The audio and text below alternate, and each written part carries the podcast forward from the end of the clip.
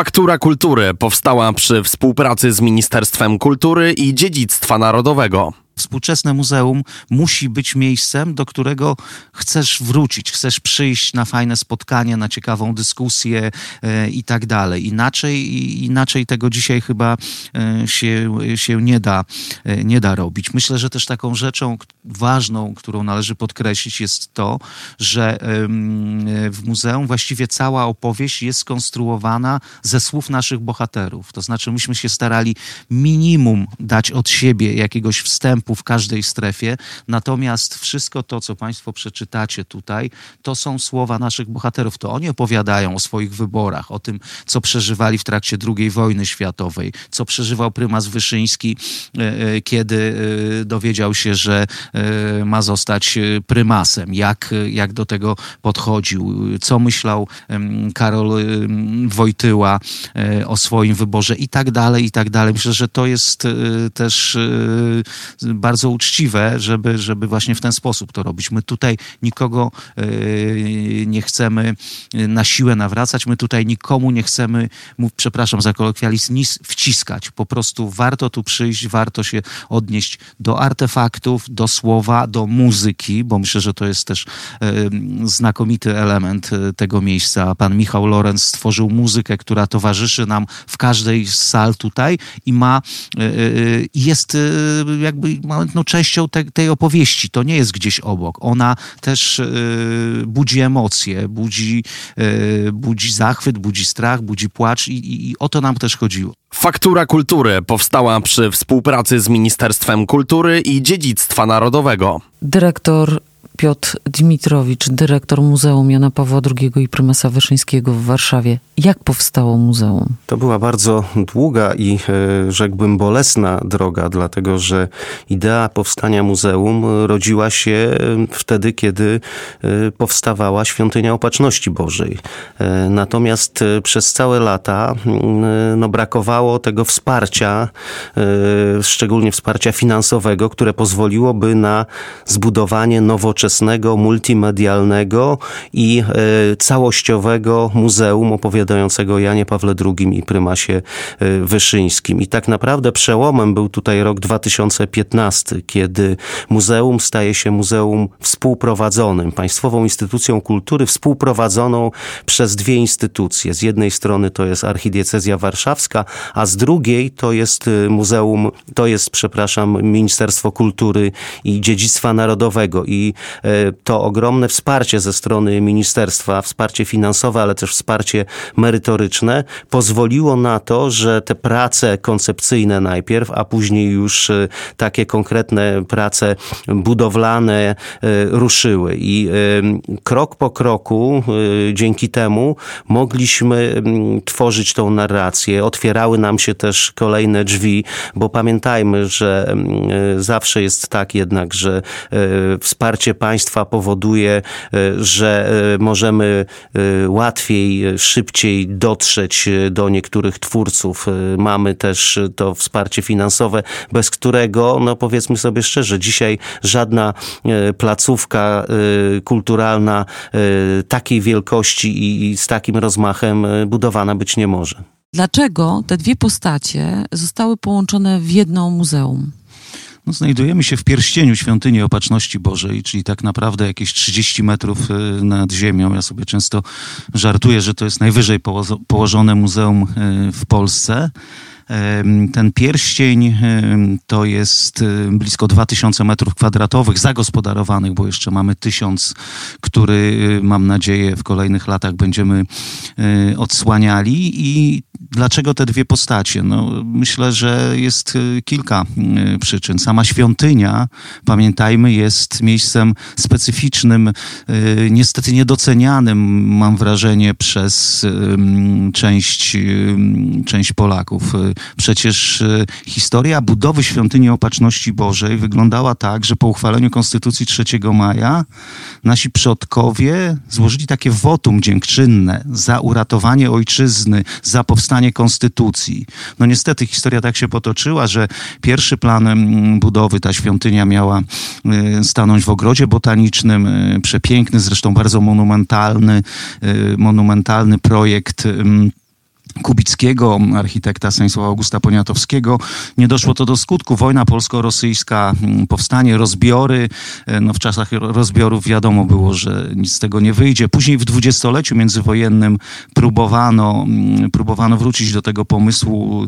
Na polu mokotowskim miał stanąć, miała stanąć świątynia. Niestety druga wojna światowa, a po drugiej wojnie, no szkoda mówić, wiadomo, za czasów komunistycznych y, nie było na to mm, szansy. Wreszcie ta świątynia stanęła, a w 2000 2018 roku udało nam się po wielu e, latach e, otworzyć to miejsce, które łączy dwóch ludzi, ale też, ja to zawsze podkreślam, na przykładzie ich życia można opowiedzieć historię Polski XX wieku, a więc tą najtrudniejszą, najdramatyczniejszą historię.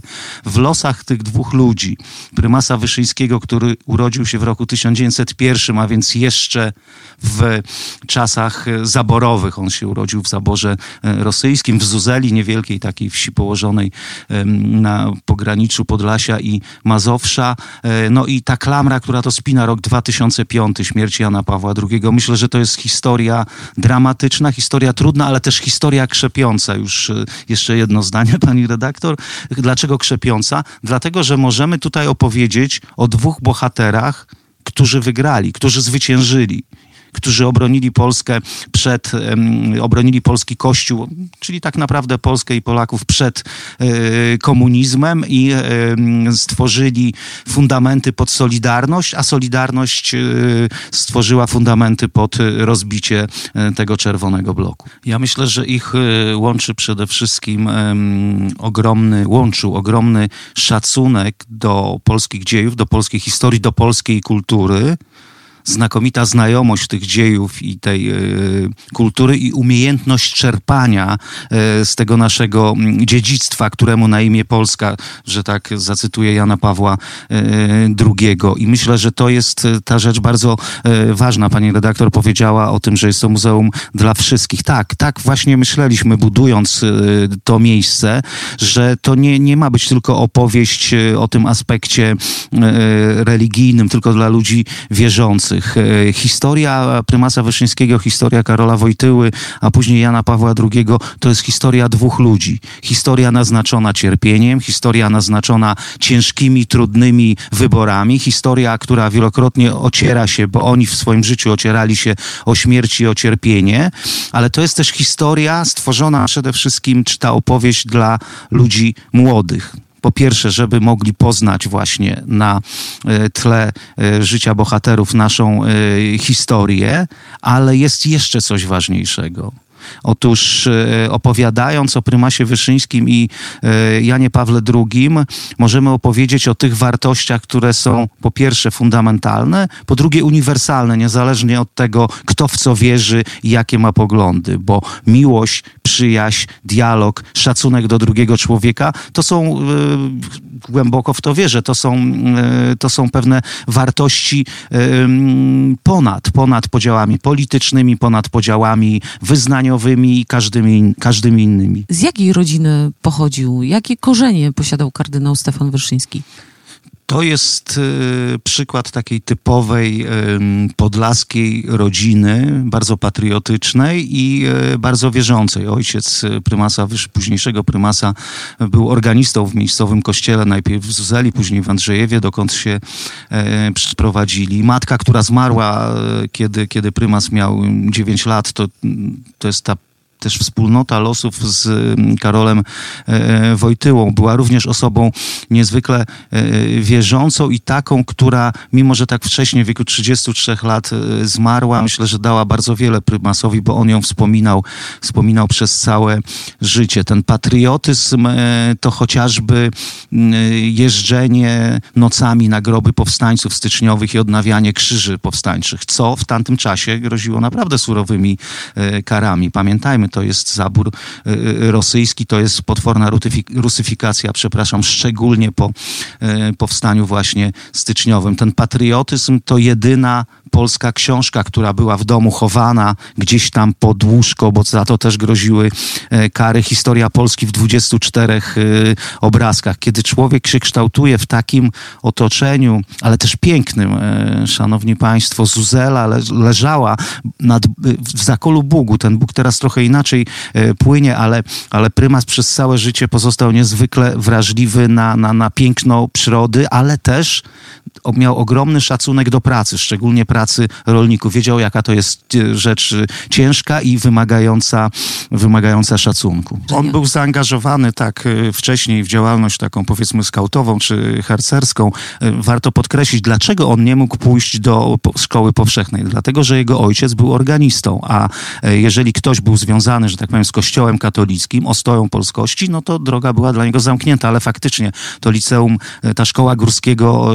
to, to, to, była, to był bardzo wysoki poziom nauczania. Niestety on musiał przerwać naukę w tej szkole w trakcie wojny, ponieważ w 1916 roku front tak się przesunął, że właściwie nie można było się dostać do Warszawy, stąd Łomża, a później też biografowie prymasa zastanawiają się, dlaczego Włocławek, a nie Płock, jeśli idzie o seminarium. Tu raczej przeważyły względy poziomu, dlatego że seminarium włocławskie to było najstarsze seminarium z bardzo wysokim poziomem, co później zresztą życie prymasa i te, te jego związki z Włocławkiem bardzo dobrze, bardzo dobrze pokazują. Można by powiedzieć w pewien sposób, że pierwszy z naszych bohaterów, prymas Wyszyński, wkracza w dorosłe życie razem z, z tą o, Polską, która odzyskuje niepodległość. Drugi z naszych bohaterów de facto rodzi się w momencie, kiedy rodzi się Polska, no bo oczywiście Karol Wojtyła rodzi się w roku 1920, ale to jest ten moment, jak sam po latach mówił, kiedy bolszewicy szli na Warszawę. Tak? Wydaje się, że to było dosyć wcześnie. On musiał mieć z 15-16 lat, kiedy to też nie było jakimś szczególnym zaskoczeniem dla, dla otoczenia, no bo on był niezwykle chłopakiem też pobożnym, mimo że psotnym, jak sam o sobie mówił. To nie był chłopak, którego, o którym byśmy powiedzieli, że był święty, no bo jak ktoś potrafi swoim siostrom spalić wszystkie lalki w piecu, szanowni państwo, no to, no to jest jakaś tam zadra w nim zadzior. Zresztą o takich też chcemy opowiadać, o, o, o takim Wojtyle, o takim Wyszyńskim. Siedzimy sobie z panią redaktor w sali Kraków, a ja patrzę na, szanowni państwo, przepiękny portret Karola Wojtyły. Ostatnie zdjęcie zrobione przed II wojną światową, takie profilowe. No, podejrzewam, że część z państwa mogłaby nawet nie poznać na nim Wojtyły, ale jest piękny napis nawiązujący Właśnie. zresztą do, do radia, w którym, proszę, którym proszę, jesteśmy. Go. Tak, to jego koledzy studenci taki napisali krótki wierszyk rymowankę. Poznajcie Lolka Wojtyłę, wnet poruszy ziemi bryłę. To opowiedzmy, z jakich sal, w jaki sposób jest skonstruowane muzeum?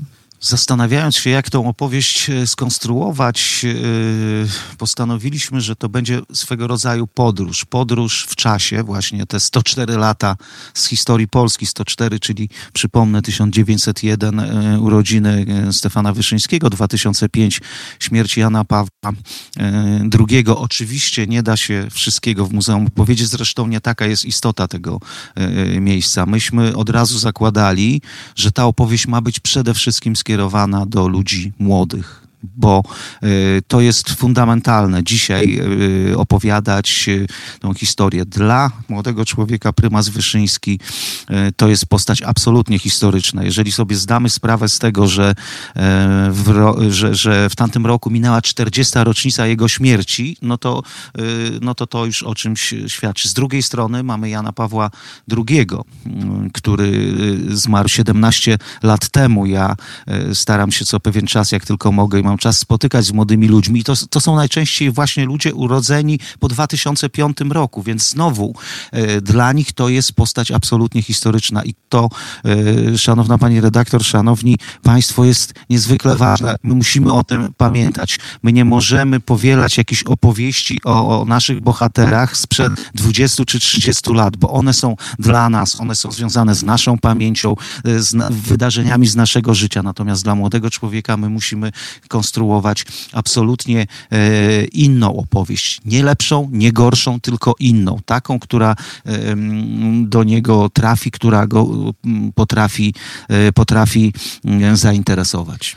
I dlatego też e, w muzeum e, jednym z e, punktów jest chociażby ta łódź, w której można poprowadzić spotkania, w której, do której można wejść. Tak, tak. taką centralną, takim centralnym miejscem muzeum jest pewnie strefa, którą, którą różnie nazywamy właśnie łodzią, barką i tak dalej. Specjalnie to miejsce jest tak skonstruowane, żeby można było tam przeprowadzać różnego rodzaju zajęcia edukacyjne, żeby to miejsce żyło, żeby tam się odbywały konferencje, spotkania o książkach, projekcje filmów i tak dalej, i tak dalej. No współczesne muzeum musi być miejscem, do którego chcesz wrócić, chcesz przyjść na fajne spotkanie, na ciekawą dyskusję e, i tak dalej. Inaczej, inaczej tego dzisiaj chyba e, się, się nie, da, e, nie da robić. Myślę, że też taką rzeczą ważną, którą należy podkreślić jest to, że w muzeum właściwie cała opowieść jest skonstruowana ze słów naszych bohaterów. To znaczy, myśmy się starali minimum dać od siebie jakiegoś wstępu w każdej strefie, natomiast wszystko to, co Państwo przeczytacie tutaj, to są słowa naszych bohaterów. To oni opowiadają o swoich wyborach, o tym, co przeżywali w trakcie II wojny światowej, co przeżywał prymas Wyszyński, e, e, kiedy e, dowiedział się, że ma zostać prymasem, jak, jak do tego podchodził, co myślał Karol Wojtyła E, o swoim wyborze i tak dalej, i tak dalej. Myślę, że to jest e, też e, bardzo uczciwe, żeby, żeby właśnie w ten sposób to robić. My tutaj nikogo nie chcemy na siłę nawracać, my tutaj nikomu nie chcemy, mów, przepraszam za kolokwializm, nic wciskać. Po prostu warto tu przyjść, warto się odnieść do artefaktów, do słowa, do muzyki, bo myślę, że to jest też znakomity element tego miejsca. Pan Michał Lorenz stworzył muzykę, która towarzyszy nam w każdej z sal tutaj i ma, e, e, jest e, jakby no, częścią te, tej opowieści. To nie jest gdzieś obok. Ona też budzi emocje, budzi, budzi zachwyt, budzi strach, budzi płacz i, i, i o to nam też chodziło. Te artefakty, o których wspomniał pan dyrektor, to jest też możliwość skonfrontowania dwóch różnych postaci, chociażby Gomułki z, z kardynałem Wyszyńskim, który, którego jedna z sal, której tytułu nie, nie, nie pamiętam, jaki jest za Dialog ze znakiem zapytania. To, to, jest taki to, trochę prowokacyjny tytuł, bo w tej sali, jeśli tam państwo wejdą, to mamy po pierwsze e, e, tron prymasa, chociaż tron to jest za dużo powiedziane, to jest fotel, to, to takie ładniejsze krzesło z lat 60., z czasów milenijnych. Kurdyban, czyli taki e, e przepiękny, e, przepiękny kobierzec, dywan rozściełany za prymasem w trakcie ważnych uroczystości i widz stając po środku ma dwie rzeczywistości. Ma ekran i słowa, które padają z ust towarzysza Gomułki i innych y, partyjnych ludzi i y, prymasa Wyszyńskiego. I może sobie zderzyć te dwie rzeczywistości, zobaczyć jak to funkcjonowało. Sam wyciągnąć wnioski y, na podstawie tego, co zobaczy, co usłyszy. To jest sala, która ma tytuł Będziesz miłował. Ona nawiązuje do znanej pewnie Państwu historii z końca Powstania Warszawskiego, kiedy, właściwie już po Powstaniu Warszawskim, kiedy Warszawa płonęła. Prymas wcześniej zaangażowany jako kapelan e, w Laskach razem z siostrą Różą Czaską, błogosławioną Różą Czaską. Razem byli błogosławieni, e, beatyfikowani, przepraszam, to też e, takie dosyć symbolicznie. I pod nogi kardynała spada fragment jakiejś płonącej kartki, no bo ta Warszawa płonie, Niemcy niszczą, palą co, co się da i na tej kartce są tylko te dwa słowa. Będziesz miłował i prymas bierze to do siebie jako pewien testament tej zniszczonej Warszawy, ale jako to swoje też credo na, na, na przyszłość. I te, ta sala opowiada o najtrudniejszych pewnie, e, najtrudniejszych. Całe życie prymasa było dosyć trudne i skomplikowane, ale to są lata 44-56, czyli od e, momentu e, nowej okupacji, kiedy, kiedy Niemcy przegrywają, ale wchodzą Sowieci, do roku 56 do uwolnienia prymasa. I tam opowiadamy o tym właśnie czasach uwięzienia, o czasach sprzeczności sprzeciwu, czyli słynny list non possumus, ale właśnie o tych trudnych wyborach też prymasa, o tym jak dowiaduje się, że ma zostać prymasem. Instalacja Jerzego Kaliny, ten niesamowity las, który tam mamy, znowu nie będę za dużo opowiadał, żeby, żeby Państwa zachęcić do tego, on nawiązuje do, do, do w ogóle naszej historii, tej drugiej wojny światowej, do tych wszystkich lasów, gdzie mordowano Polaków, od Piaśnicy poprzez e, Katyń i inne straszne, straszne e, miejsca. Temu wszystkiemu towarzyszy właśnie też muzyka Michała, Michała Lorenza też wyjątkowa sala, w której, w której jest, jak się dowiedziałam, jedyna e, kopia e, obrazu Matki Boskiej, którego właściwie poza waszym muzeum nie można zobaczyć z tak bliskiej odległości. Tak, to jest sala, która nazywa się Mamo e, i to, ten tytuł ma kilka oczywiście kilka e, warstw, no bo mama w znaczeniu e, tej najbliższej osoby dla prymasa, dla Jana Pawła, jakim były ich matki, ale też e, to jest opowieść o Częstochowie, o Matce Bożej Częstochowskiej, tak ważnej w życiu jednego i, i drugiego. No, te, tego nie, nie muszę zapewne naszym słuchaczom tłumaczyć i jednocześnie właśnie chcieliśmy opowiedzieć ich historię, ale też historię miejsca, historię Częstochowy, jasno Jasnej Góry, która była tak ważna dla Polaków przez całe dziesięciolecia, przez całe wieki, kiedy oni tam idą. I na jednej z mm, takich dużych projekcji można zobaczyć te najstarsze ryciny idących pielgrzymów na Jasną Górę. To się zmienia, są kolejne lata, wieki, ludzie umierają, są wojny, świat się zmienia, ale ludzie idą do tego jednego miejsca tak jak Karol Wojtyła w czasie II wojny światowej, choć groziło to e, wtedy e, najwyższymi e, konsekwencjami. A ten obraz Matki Bożej Częstochowskiej, tak, chodziło o to, żeby też można było podejść, zobaczyć z bliska tą jedną z najważniejszych ikon dla ludzi wierzących. Z drugiej strony możemy zobaczyć jedną z przepięknych sukienek, które dzięki uprzejmości Paulinów mamy tutaj i eksponujemy również w tej sali. To jest sala dosyć specyficzna, bo po pierwsze ona się wyłamuje z tego pierścienia, o którym opowiadałem i to jest jedna z tych sal, którą, którą przygotowaliśmy i będziemy podobne przygotowywali. Te boczne sale, one są jakimś, może nie uzupełnieniem opowieści, ale czymś specyficznym. Mała, niewielka sala. Przenosimy się do Krakowa, jest rok 1938.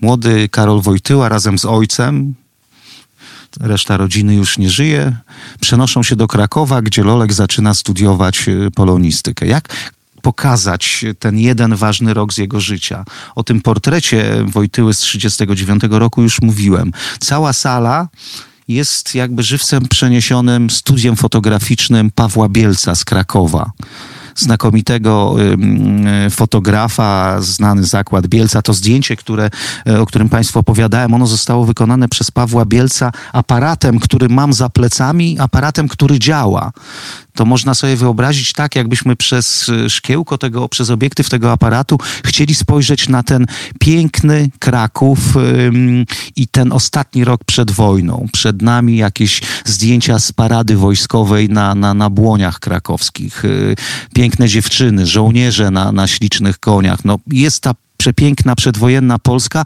ale za chwilę nadciągnie dramat, tak? Za chwilę wyjdziemy z tej sali i tuż obok mamy salę, która e, opowiada o e, II wojnie światowej. Ten Kraków e, oczami Bielca zamienia się w Kraków, gdzie wszędzie wiszą swastyki, chociażby na Wawelu, gdzie niszczone są polskie pomniki i, i to jest taka opowieść, którą, do której klamrę w tamtym czy dwa lata temu zrobiliśmy, pokazując zdjęcia Pawła Bielca, bo on przez całe życie, szanowni państwo, fotografował i można e, było, nie wyjeżdżając z Krakowa, prześledzić tą naszą dramatyczną historię. Piękny przedwojenny Kraków, niemiecki zniszczony Kraków w trakcie II wojny światowej i sowiecki Kraków wyzwolony, weźmy to w duży cudzysłów, w 1945 roku w zakładzie Pawła Bielca czerwono Armiści robili sobie zdjęcia z dużą ilością rowerów, spirytusu, zegarków i tego wszystkiego, co y, ukradli.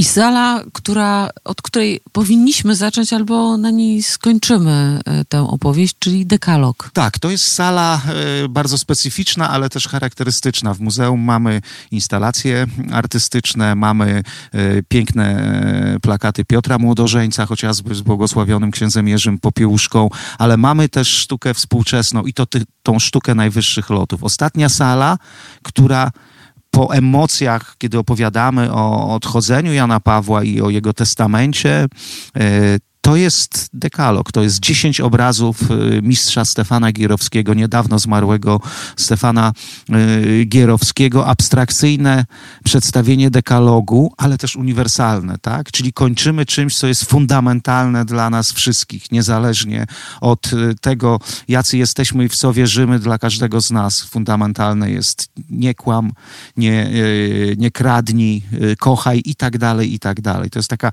sala, gdzie, gdzie, gdzie można przez moment się zatrzymać i, i, i, po prostu zastanowić się nad tym, co zobaczyliśmy, nad tą wielką podróżą. Tak? I ta podróż kończy się właśnie e, w sposób absolutnie uniwersalny, tak sądzę dwie niesamowite postacie, y, tak jak powiedziałam na wstępie, dwie najważniejsze chyba postacie we współczesnej historii Polski. E, kardynał Stefan Wyszyński i Jan Paweł II w jednym muzeum. E, pan dyrektor powiedział, że najwyżej chyba położone muzeum w Polsce przynajmniej. E, można to muzeum zwiedzać w jakie dni?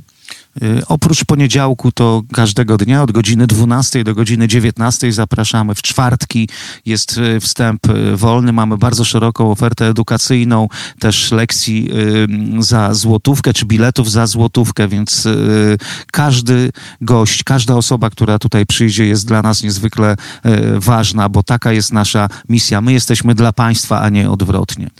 Czy zdarzają się takie historie, czy jeszcze są eksponaty, których muzeum poszukuje, o których wiadomo, że mogłyby wzbogacić kolekcję, a które nie należą jeszcze do muzeum?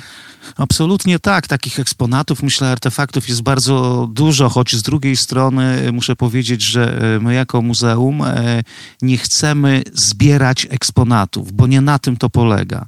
My chcemy pozyskiwać eksponaty, które mogą opowiedzieć pewną historię poprzez jedną kartkę papieru, poprzez jeden guzik, poprzez fragment różańca można opowiedzieć tak dramatyczną historię, tak niesamowitą, tak uniwersalną i to wtedy ma wartość. Wtedy widz się e, w takim e, miejscu zatrzyma, e, pomyśli, przeczyta więcej. To nie chodzi o to, żeby zbierać te artefakty, gromadzić ich jak najwięcej, ale na pewno jest bardzo wiele takich i obiecuję Państwu, że już niedługo jeden z takich artefaktów artefaktów y, mm, pokażemy, opowiemy o nim. No i myślę, że opowiemy o nim po raz pierwszy właśnie w Radiu Wnet. Faktura Kultury powstała przy współpracy z Ministerstwem Kultury i Dziedzictwa Narodowego.